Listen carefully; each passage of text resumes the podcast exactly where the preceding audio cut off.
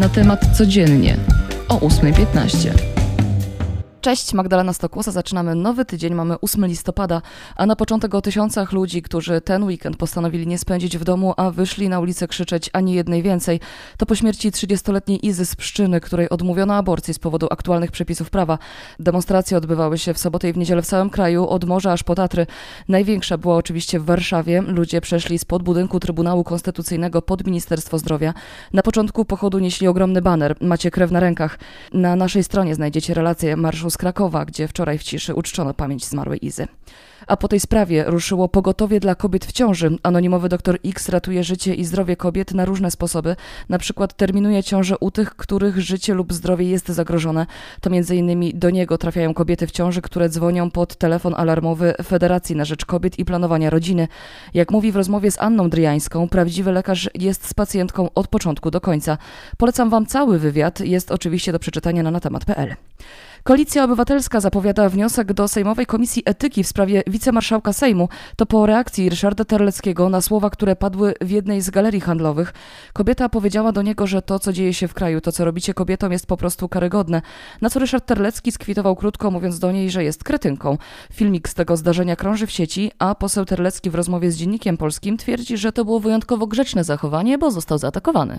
Sprawdzamy sytuację na polsko-białoruskiej granicy. Dziś ma odbyć się sekcja zwłok żołnierza, który zmarł na obszarze przygranicznym. Wczoraj żołnierze wykonujący zadania logistyczne na obszarze przygranicznym po przebudzeniu stwierdzili, że jeden z nich nie daje oznak życia. Podjęta została nieudana próba reanimacji. Lekarz przybyły na miejsce stwierdził zgon żołnierza. Jak zapowiedziano, wojsko objęło rodzinę mężczyzny opieką psychologiczną. Tymczasem Episkopat Polski apeluje o zbiórkę na rzecz migrantów. Przewodniczący konferencji Episkopatu Polski arcybiskup Stanisław Gondecki w apelu napisał, że bez względu na to skąd przybyli, potrzebują naszej pomocy i wsparcia. Ogólnopolska zbiórka funduszy w parafiach ma się odbyć 21 listopada. Zapowiedział, że środki zbierane podczas tej kwestii zostaną przeznaczone za pośrednictwem Caritas Polska na finansowanie działań pomocowych na terenach przygranicznych oraz na proces długotrwałej integracji uchodźców, którzy zdecydują się zostać w Polsce.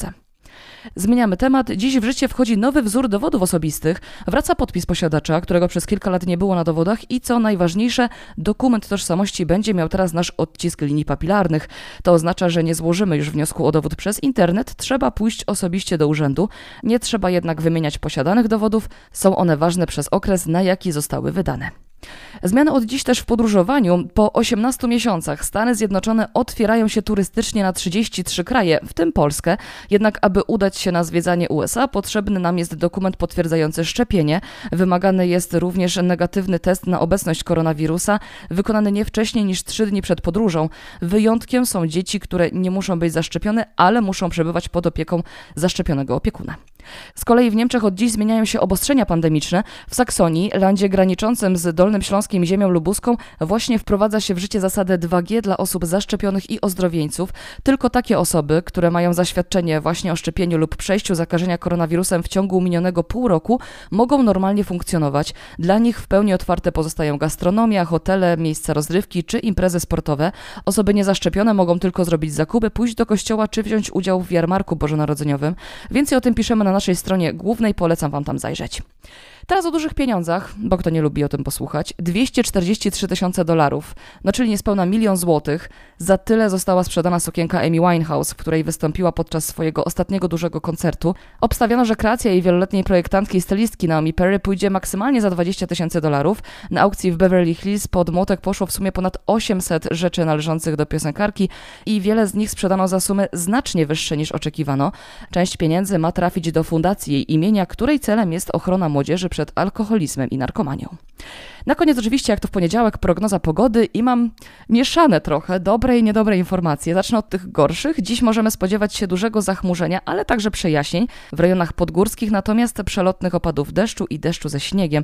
W najcieplejszym momencie dnia na termometrach w Polsce zobaczymy od 6 do 10 stopni, a dziś w nocy zacznie napływać do nas arktyczne powietrze i tutaj z tych dobrych wieści może przynieść nam rozpogodzenie, ale także i ochłodzenie. To tyle na dziś. Dzięki Magdalena Stokłosa. Słyszymy się jutro. Cześć.